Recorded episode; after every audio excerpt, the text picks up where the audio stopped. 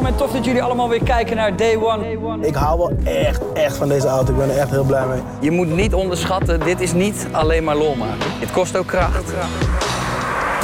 Ik heb hem nog nooit zo hard op zijn staart getrapt, zo op mijn banden. Het was voor mij ook de eerste keer dat ik een- nou, zo'n persoonlijk liedje release. 28 kilo. Zijn we niet veel. Maar we zijn los hoor! Goedemorgen, middag of avond en welkom bij Day One Podcast, de vrijdageditie. Dat betekent dat ik, Jordi Warners, je weer in een half uur ga klaarstomen voor het weekend. En dat doe ik in mijn eigen studiootje, niet voorzien van airco, maar wel van een ventilator, godzijdank. Helemaal klaar met die hitte. En daarom ga ik even bellen met Mark Schadeberg. Hij is slaapcoach en hij heeft wat tips tegen die plaknachten, maar ook eigenlijk vooral even waarom een belangrijke nachtrust goed is. En wat je er ook aan kan doen om eh, een belangrijke nachtrust te krijgen. Verder heb ik Madelon Vos aan de lijn. Madelon Vos is Bitcoin-expert. De Bitcoin is sky high op dit moment. Zij kan ons daar eh, sowieso even over bijpraten. En aan de lijn de altijd charmante, vrolijke, fijne Jasper Lijvering van Amsterdam Vintage Watches. Goeiedag Jasper. Ik moet er helemaal van blozen van deze intro, Jordi. Dankjewel. Ik wist het, dat was mijn, eh, mijn doel. Hoe is het? Ja, lekker. Jij hebt mijn dag net gemaakt met zo'n mooie introductie. Dus eh, Kijk, nu nou. gaat het perfect. Dan, eh, dan eh, stoppen we hier het gesprek en dan wordt het niet beter na dit, denk ik. Hey, fijne dag hè. Hoi hoi. Hey, Jasper, Nee, gaat lekker. ehm, ik, ik bel jou nou, om, om zo nu en dan gaan eens even te, te lullen over horloges. Want dat vind jij het fijnst om te doen. En nou, ik vind het ook steeds interessanter, interessanter. En sowieso de Day One luisteraar, die vindt het helemaal fantastisch. Ehm, Goed om te horen dat we jou ook een beetje aansteken nu. Ja, dat, dat zeg ik er eerlijk bij. Ik moet nog even doorsparen, maar op een dag eh, gaat, het, eh, gaat het zeker komen. Speelt er een hoop op de, op de horlogemarkt nu op dit moment? Zeker. eh, horloges zijn mega in trek. Juist eens te meer vanwege die coronacrisis. Oké. In verschillende landen op dit moment is de valuta best wel instabiel. Kijk naar Zuid-Amerika, waarbij de munt eh, in veel landen zoals Brazilië en Argentinië gewoon heel erg devalueert. Horloges zijn natuurlijk vertegenwoordigd mondiaal een waarde. Ja. En die zijn best wel waardevast. Dus de vraag is echt gigantisch. Ehm, het aanbod kan het wederom niet bijbenen helaas. En dat geldt niet alleen voor vintage horloges, maar ook de nieuwe horloges. Veel van de fabrieken zijn dicht geweest tijdens de coronacrisis in Zwitserland. Ja. Ehm, en waar je normaal de nieuwe releases krijgt rond deze periode van het jaar en met Basel World, heb je dit jaar eigenlijk, in ieder geval van Rolex, hebben we niks nieuws gezien. Dus Rolex heeft niks nieuws naar buiten gebracht. Eh, de productie van Rolex is met 70% afgenomen. Dus er was wel een enorme druk op, eh, op het aanbod. En, eh, of op de vraag door het beperkte aanbod. En dat groeit alleen maar. Eigenlijk alleen merken als Cartier en Audemars Piguet die hebben nieuwe modellen naar buiten gebracht. En er, is, er heerst een gekte. Een koopgekte. En wat is dan het meest bijzondere wat jij de afgelopen tijd voorbij hebt zien komen? Het, he- het allergaafste wat ik heb gezien onlangs is uh. Die heeft een eh, concept gereleased. Dus ze hebben die concept eh, Royal Oaks.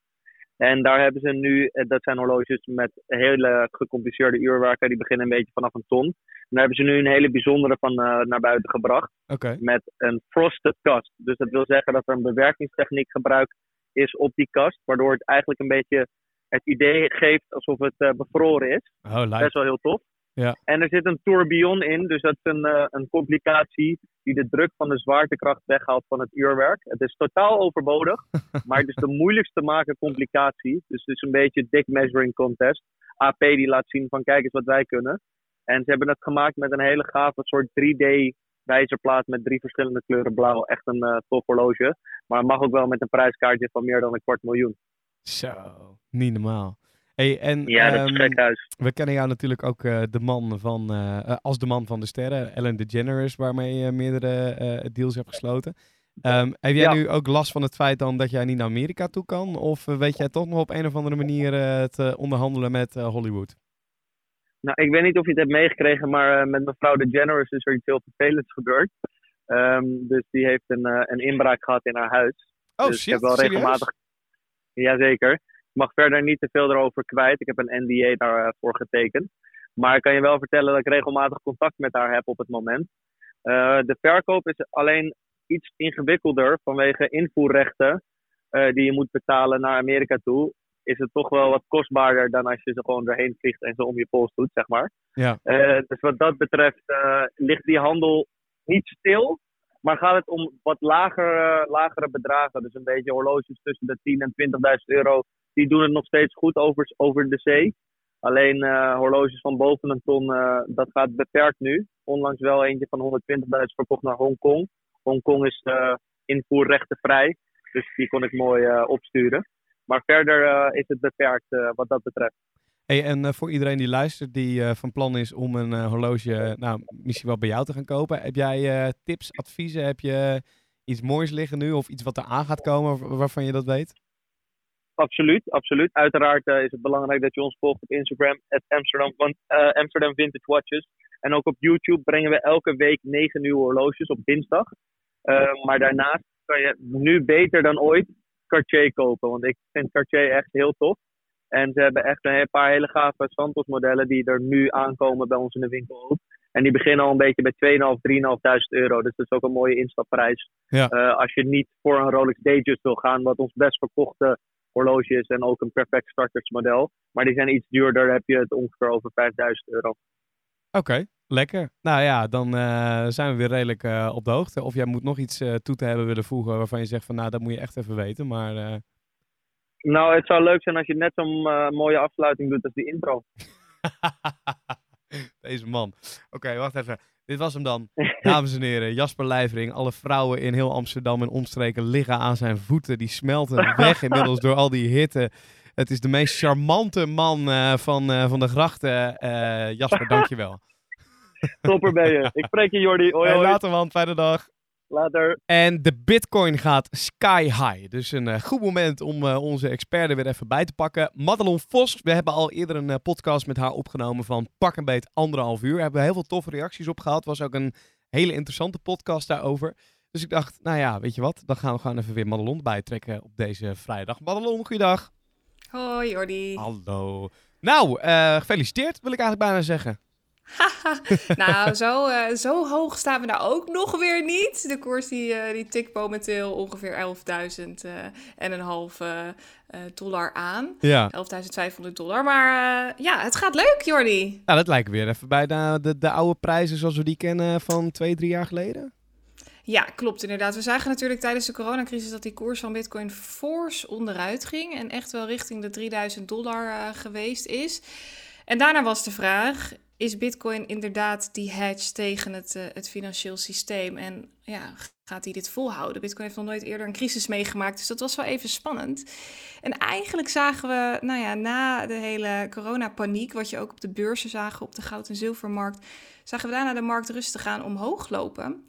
Vanaf die 3000 dollar of 3.500 dollar. En we staan nu dus uh, bijna rond de 12.000 dollar weer opnieuw.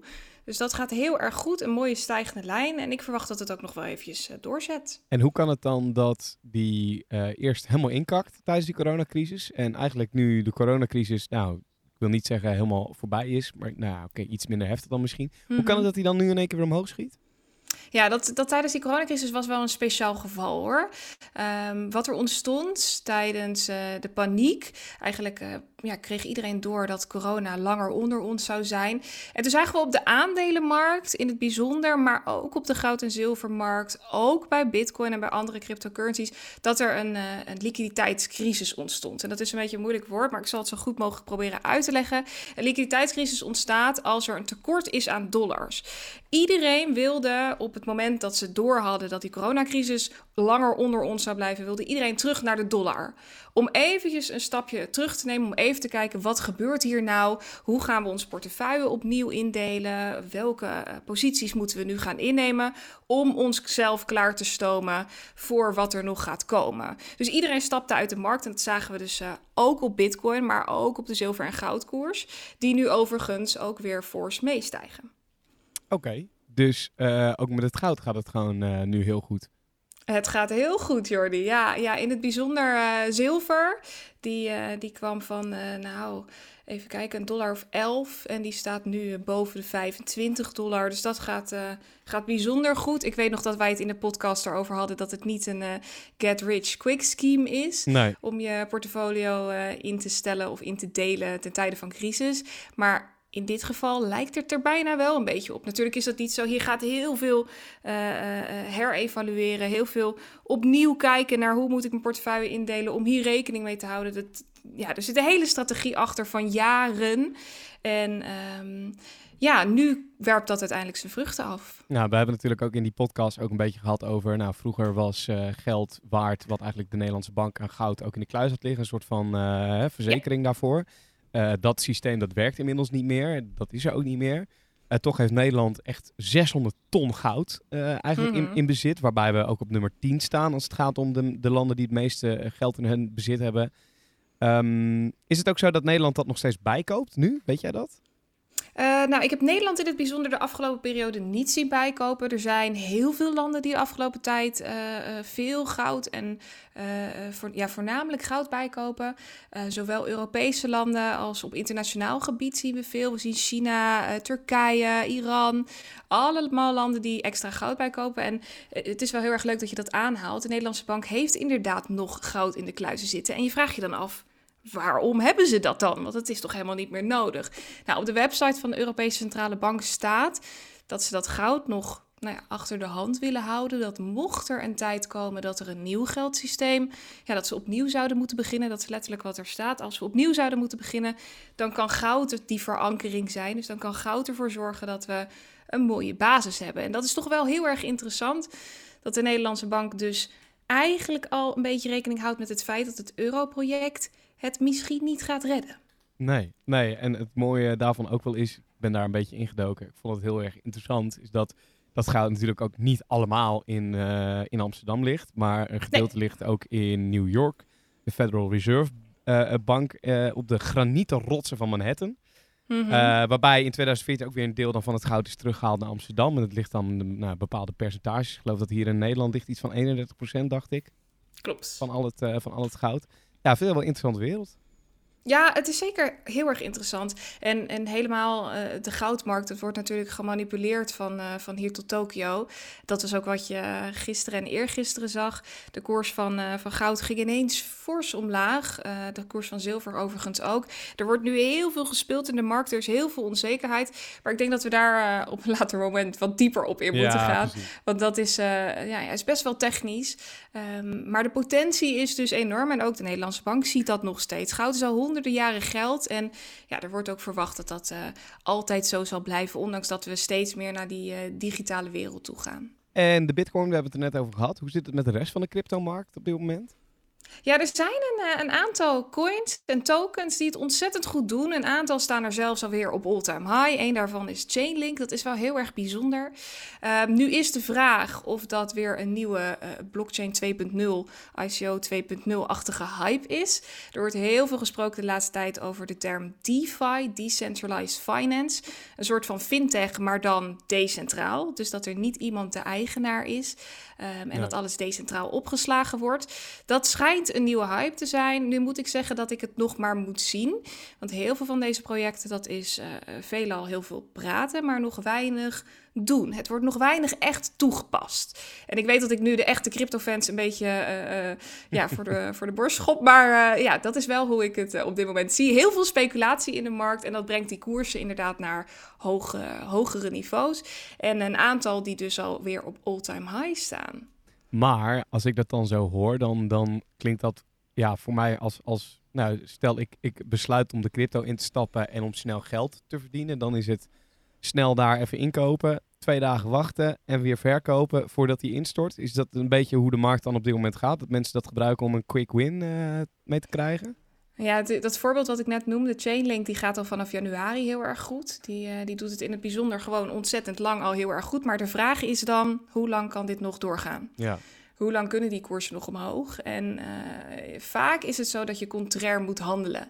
Dus dat je juist tegenovergestelde moet doen. Tijdens de coronacrisis was ik een van de weinigen die bitcoin bijkocht. Toen die koers van 11.000 dollar richting de 3.000 ging. Uh, de meeste mensen, normaal gesproken uh, ga je denken en dan denk je... oh, ik moet er vanaf, want het gaat naar beneden. Ja. En juist moet je tegenovergestelde doen. Je moet juist bijkopen. Dat doe je ook als je naar de bijenkorf gaat. Je gaat er ook het liefst naartoe als er korting is. Niet als, er, als de prijzen nou ja, nog heel hoog zijn.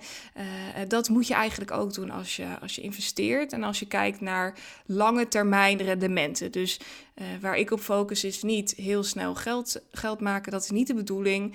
Uh, de bedoeling is dat je een heel mooie portefeuille opbouwt, die het in tijden van crisis goed doet. Maar ook als we weer strakjes weer uitkomen, als die coronacrisis weer over is, als de economie weer gaat floreren. Um, dat je dan ook uh, gewoon safe zit. En we hebben het er vorige keer natuurlijk over gehad dat geld ontwaart. En ja, de, de slechtste, slechte positie om nu in te zitten is natuurlijk de euro of de dollar omdat dat steeds minder waard wordt. En we zien daar uh, de afgelopen weken ook steeds meer signalen van die wijzen op meer inflatie. Dus lagere koopkracht en koopkrachtdaling. Uh, waar je dus eerst een hele mooie Porsche Panamera kan kopen voor, uh, voor een ton. Kun je in 20 jaar tijd een, uh, nou moet je het doen met een Volkswagen Passat voor diezelfde 100.000 euro. Um, en dat zien we steeds meer. Er wordt zoveel geld bij, ge, bij gecreëerd, bij gedrukt, bij geprint. in de vorm van leningen, zowel aan de Nederlandse staat als naar de commerciële banken. En uh, uh, ja, dat zorgt dus voor, uh, voor stijgende prijzen. Misschien heb je het al wel gemerkt in de supermarkt, in het bijzonder de, de, de fruitprijzen die stijgen. Dus vanuit dat perspectief is het al van belang dat je nadenkt over wat je met je geld doet. En dan is het niet heel snel, is het niet de bedoeling om twee dagen in de munt te zitten, 40% te pakken, het er weer uit te halen. Want dan zit je toch weer in, in die euro. Uh, nee, een gedegen portfolio bouwen, dat is veel belangrijker. Hey, en dan even wat anders. Iets waar ik mij persoonlijk heel erg over verbaasde. Dat, dat is die boiler room fraude. Heb je dat meegekregen? Welke boiler room fraude bedoel jij precies? Nou, eentje wat in de mainstream media, om het zo te zeggen, een beetje opkwam de afgelopen tijd. Is dat er echt 2500 Nederlanders nu via een brief gewaarschuwd zijn door de autoriteit Financiële Markten voor zogeheten mm -hmm. boiler rooms. Waarbij je dus krijgt een telefoontje uit het buitenland. Prachtig voorstel. Ja. Bedrijf stuurt je netjes de algemene voorwaarden voor je. Je vraagt eerst een klein bedrag in te leggen. Nou, via een persoonlijk account zie je jouw geld meer waard worden. En voorzichtig vragen ze om meer geld. Maar als het tijd is om je geld eruit te keren, is het bedrijf niet meer bereikbaar en uh, blijkt alles nep te zijn. Is ja. dit, dit, dit speelt toch niet echt in de beleggerswereld? Dit is dan toch meer voor de mainstream Nederlander hier in trapt? Ik kan me niet voorstellen dit... dat... dat ja, dit, dit speelt, al, speelt al best wel lang. Um, ik kan me ook herinneren dat hier al eerder onderzoeken naar geweest zijn. En jij doet nu waarschijnlijk op het onderzoek van de Autoriteit Financiële Markt. Ja. Um, zij hebben hier vandaag inderdaad wat over gepubliceerd. Um, en, en dat is inderdaad goed om eventjes aan te stippen. Die boiler room fraudes, dat komt best wel veel voor. En in de cryptomarkt nog meer. Wat er dan gebeurt is, je wordt opgebeld. Uh, er zijn mensen die dan uh, lovende verhalen hebben over het feit dat cryptocurrency de toekomst is. Of dat je moet investeren in aandelen, uh, Apple of iets dergelijks. Dan word je gevraagd om inderdaad geld te storten op een rekening. Nou, vaak is het zo dat ze dan nou ja, doen alsof je al heel veel geld verdiend hebt. Maar als je dat geld dan wil opnemen, dan zeggen ze stort maar even wat extra bij. En dat gebeurt bij Bitcoin ook heel veel. Toevallig heb ik gisteren op mijn Instagram-account er nog eventjes voor gewaarschuwd.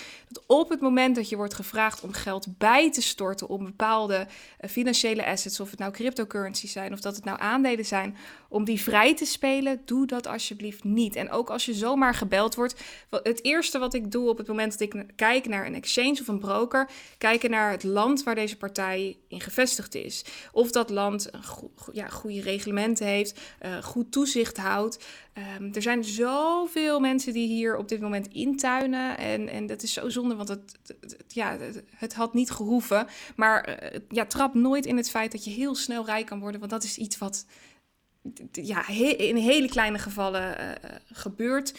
En over het algemeen via zulke, zulke gevallen helemaal niet. Zij gaan er vandoor met je geld. Ja, duidelijk. Een gewaarschuwd mens stelt voor twee. Uh, Madelon, mag ik jou uh, danken voor dit heerlijke gesprek over, over crypto, de bitcoins, het goud. En dus als laatste klap op de vuurpijl ook nog even nou ja, de, de oplichting voor de boiler rooms. Mm -hmm. Dank je wel hiervoor. En nou ja, wellicht tot weer een volgende keer. Want het lijkt me leuk om dat uh, wat vaker weer even elkaar te spreken in deze podcast. Zeker, heel graag gedaan en dat gaan we doen, Jordi. Fijn weekend. Jij ook, doei doei. En ik ben benieuwd of uh, Mark Schadeberg, slaapcoach, een beetje geslapen heeft uh, vannacht. Ik heb vannacht uh, heel apart geslapen eigenlijk. Wat heb je, ge Hoe, heb je geslapen? Apart. Apart? Waarom? Ja, ja, ik logeerde in het huis van mijn vrienden en die kwamen terug van vakantie, eigenlijk een dagje eerder. Dus toen heb ik eh, samen met mijn vriendin buiten met een matrasje buiten gelegen in plaats van eh, op de bank. Oh, maar ja, dat is wel iets wat nu de afgelopen nachten wel veel meer gebeurt natuurlijk, omdat het soms thuis niet uit te houden is. Nee, nee, het is eh, natuurlijk voor, voor ons als mensen is dit weer eh, niet ideaal voor je slaapkwaliteit.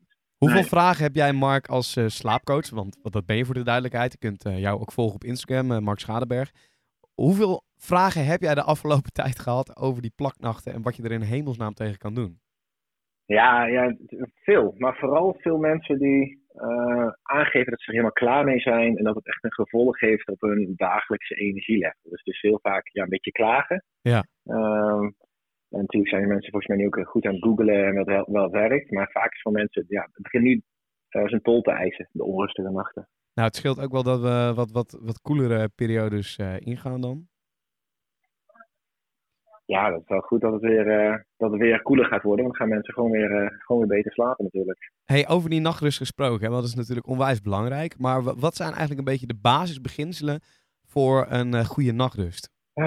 Voor een goede nachtrust. Nou ja, belangrijk is eigenlijk voor, volwassen mensen dat ze ongeveer gemiddeld tussen de 7 en de 9 uur aan slaap komen.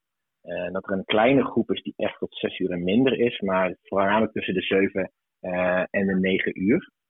Ehm, het liefst wil je eigenlijk dat mensen ongeveer rond dezelfde tijd opstaan en rond dezelfde tijd naar bed gaan. En dat mag echt wel een uurtje speling hebben. Hè. Het liefst wil je eh, rust, regelmaat. eh, maar ja, je weet net zo goed als ik, ons leven is niet eh, elke dag hetzelfde. Nee. Ehm, dus, dus er mag een uurtje spelen, maar niet dat je de ene avond om 9 uur gaat, dan om half 1, dan weer om 11 uur, want dan ga je naar een soort jetlag. Nou, heb je geen slaapprobleem, dan mag uitslapen echt wel gewoon gebeuren op de dagen dat je kan. Heb je wel last van een slaapprobleem, dan is het echt belangrijk dat je dus wel die regelmaat in, eh, inhoudt. Ja, en dan komt natuurlijk ook een stukje je, je slaapkamer. En eh, ja, daar hebben de meeste mensen op dit moment natuurlijk met deze warme dagen wel eh, enorm last van. Ja, want er zijn ook een hoop dingen die je niet moet doen tijdens deze warme dagen, toch? Zoals als naakt slapen, als je dat normaal niet doet. En, en zonder lakens en dergelijke. Nou ja, grappig ja. Kijk, ons lichaam, die gaat na vijf uur 's avonds, gaat die, ja, eh, de lichaamstemperatuur wordt minder. En daardoor eh, gaat je lichaam het seintje krijgen om te slapen. En gedurende de nacht gaat je lichaamstemperatuur nog meer omlaag. Eh, en om vier uur s'nachts is hij echt het, het koudst. Maar ja, met deze warme temperaturen kan hij dus zijn lichaamswarmte niet kwijt. En blijven we dus vaak ook eh alerter. Willen we minder snel eh, naar bed. Maar we gaan natuurlijk ook later eten. We gaan wat meer alcohol drinken. Ehm, en naakt naar bed kan als je een laken hebt die jouw vocht doet opnemen. Want je wilt je huid zo droog mogelijk hebben in plaats van dat je een of andere spons wordt in bed. Maar ja, het is, ja, ik doe het dan echt verkeerd. En eh, nou, nou, nou resulteert dat waarschijnlijk ook wel in wat, wat minder goede nachten dan, als ik naar mezelf kijk. Ehm, dit is toch bloedheet, jongen, met zo'n laken om. Dan word je, word je helemaal gek. Tenminste, dat, ik- dat heb ik. Ja, ja, dat is natuurlijk eh, enorm lastig. Maar je hebt natuurlijk van die hele leuke dunne lakens, hè, van katoen of linnen. eh, die echt die hele dunne, eh, die kunnen enorm goed helpen. Ja, en wat eigenlijk misschien het beste is, is gewoon lekker je voeten en je handen eh, onder die deken weglaten. Want daar gaat voornamelijk je warmte in kwijt. Hè? Je hoofd, je handen en je voeten. Dus als je die dan lekker ernaast of eronder weghoudt, dan eh, kan, dat, kan dat zeker helpen. Hey, en wat zijn de voordelen van het investeren in een goede nachtrust? Want nou ja, we kennen allemaal de nadelen wel, denk ik. Moe, overgewicht, et cetera, et cetera. Maar de voordelen van een goede nachtrust? Nou, de, goe- de, goede, de mooie voordelen is, ehm, kijk voor de dames, eh, een veel jongere huid. Ehm, meer energie. Ehm, ja, eigenlijk is natuurlijk wat je eigenlijk net al vertelde, wat, wat negatief is, werkt natuurlijk ook positief. Eh, maar ook vooral dat je veel meer gedaan krijgt gedurende een dag. Je ziet veel mensen, dat zie ik ook in mijn coaching, ehm, die zijn zo lang bezig met hun werkzaamheden. Eh, terwijl als ze een goede nacht hebben, dan heb je bijna ze- 70% winst kan je maken. Ehm, en vooral denk ik het plezier leven, de goede voedingskeuze maken, de zin om te bewegen, op zoek naar sociale contacten. Ja, ik denk dat dat eh, uiteindelijk wel mooi gezegd kan naar een waardevol leven. Ik denk dat dat wel iets wat voor ons, voor ons millennials, wel heel erg iets is waar we naartoe op zoek zijn. Ja, en, en wat moet je vooral niet doen dan voordat je naar bed gaat? Eh, te laat eten. Eh, je lichaam zal altijd bezig zijn om je eten te verteren dan eh, diep te slapen. Ja, het liefst alcohol en koffie, eh cafeïne in ieder geval te beperken. Ik zeg niet dat je het niet moet doen, maar ja, het kan je makkelijk in slaap eh, helpen. Maar ja, net als cafeïne houdt je juist weer wakker. ja, en te laat sporten. En dat is natuurlijk nu in deze warme dagen, zie ik soms wel, als ik om 11 uur de hond nog uitlaat, dan zie ik ook nog mensen hardlopen. Ja, je lichaamstemperatuur is al warm. Door het sporten wordt hij nog warmer. Dan heb je toch twee, drie uur nodig om dat af te koelen, om dan uh, goed te kunnen slapen. Het gaat vooral om die diepe slaap, om ja, fysiek gewoon te herstellen. Ja, en middagdutjes en zo en dergelijke aanrader? Uh, nou ja, in Spanje is het natuurlijk heerlijke siestaatjes. Uh, dus met deze temperatuur natuurlijk wel echt ideaal. Hè, want want voor de dag kwam er natuurlijk niemand in de winkels. Uh, maar heb je een goede kwaliteit slaap, dan kom je tussen de 7 en de 9 uur slaap goed. Ben je energiek, heb je die, heb je die dutjes niet nodig. Okay. heb je wat verstoordere slaap, um, dan mag je best 20 minuten lekker je ogen dicht doen. Zet wel een timer, het liefst tussen 12 en 2. Want gedurende de dag bouw je slaapdruk op. En dat in combinatie met je slaaphormoon en je lichaamstemperatuur val je uiteindelijk in slaap. Maar als jij dus te lang slaapt, dan gaat dat, die energietank, die gaat weer vol. En daardoor komen vaak mensen niet in slaap s'avonds. Ik weet niet of je het ooit wel eens gehad dat je s'avonds uh, vijf uur voor Netflix op de tv uh, in slaap viel. Mm, ja, nou heel zelden gebeurt dat, maar wel eens gehad. Nee, ja, best wel veel mensen zullen waarschijnlijk hierin herkennen. Maar ja, daarna komen ze niet meer in slaap, omdat die tank weer gevuld is. Ja, uh, dus als je echt een nappie wilt doen, 20 minuten tussen 12 en 2, ja, dan heb je echt een nacht gehad van 3 uur. En is het schandalig. Ja, dan kan je in die tijdswindow wel 90 minuten slapen. Dan heb je gewoon een hele slaapcyclus. Ja, en dat kan je gewoon helpen om de dag uh, weer uh, goed door te komen. En dan s'avonds gewoon op tijd weer naar bed toe te gaan. Hoe groot is die me groep mensen die minder dan het gemiddelde aantal slaapuren nodig hebben? En, en is dat echt... Wereldwijd? Ja, nou ja, omdat je, je hoort heel vaak mensen natuurlijk, oh, ik, ik, slaap maar vier, vijf uur of zes uur per nacht en uh, het gaat helemaal prima en druk, druk, druk, werken, werken, werken, dat. Ja, ja dat is een goede, leuk dat je het zegt. Dat zie ik natuurlijk ook heel veel in mijn, in mijn coaching. Hè. Ik doe gedragstherapie, dus dan zie je deze dingetjes echt voorbij komen. Wereldwijd is het 3% die tegen zes uur en minder echt tegen kan. Dat is niet uh, dat is natuurlijk Nee, um, maar wat een beetje het probleem is, is dat wij waarde uh, hebben gecreëerd aan mensen die weinig slapen. Ik bedoel, als iemand vertelt die heel goed lopend bedrijf en die zegt ik slaap maar drie uur, dan, dan denkt iedereen, hé, hey, dus als ik maar drie uur slaap, kan ik heel veel werken. Terwijl eigenlijk net verteld had, door te weinig slaap doe je 70% langer over je werkzaamheden, uh, concentratie is niet goed genoeg, meer ongelukken, et cetera. Ja. Um, dus dat is, dat is best wel een probleem. Wij, wij, volgen, wij, wij, wij denken altijd maar dat we heel veel moeten werken. Alleen meer me-time uh, meer een momentje voor jezelf om je gedachten te laten komen en gaan zorgt ervoor dat je makkelijk kan inslapen en doorslapen. Dus als je ervoor kiest om gewoon goed te slapen, dus je slaapkamer, et cetera, allemaal optimaal te maken en je slaapt 7 tot 9 uur, goede kwaliteit, ben je uiteindelijk veel productiever, ga je uiteindelijk veel meer geld omzetten, uh, heb je minder kans op gezondheidsklachten, dus waardoor je dus langer een plezierig leven hebt, in plaats van ik ga voor drie uur en ik roep maar dat ik heel druk ben. En de andere kant ook is, is dat mensen altijd heel erg roepen dat ze heel weinig slapen. Maar zou je het echt gaan testen, slapen ze vaak toch nog wel 1, 2 uurtjes meer dan ze denk echt wel, uh, dan dat ze zelf kunnen beweren. Lekker Mark. Nou ja, ik vond het even fijn om uh, bij te praten over de, de nachtrust. Um, ja. En uh, wellicht dat er wat tips tussen zaten waar, waarmee mensen gelijk aankomende nacht mee aan de slag kunnen gaan. En nou ja, dan Ik wens ik jou nog een hele fijne nachtrust toe. Ja, in ieder geval uh, bedankt en uh, ik hoop dat je ook lekker kan slapen. En anders hoort je wel weer. Ja, dat zou heerlijk zijn. Ja. En, en mensen kunnen jou natuurlijk dus ook volgen op Instagram, Mark Schadeberg, uh, slaapcoach.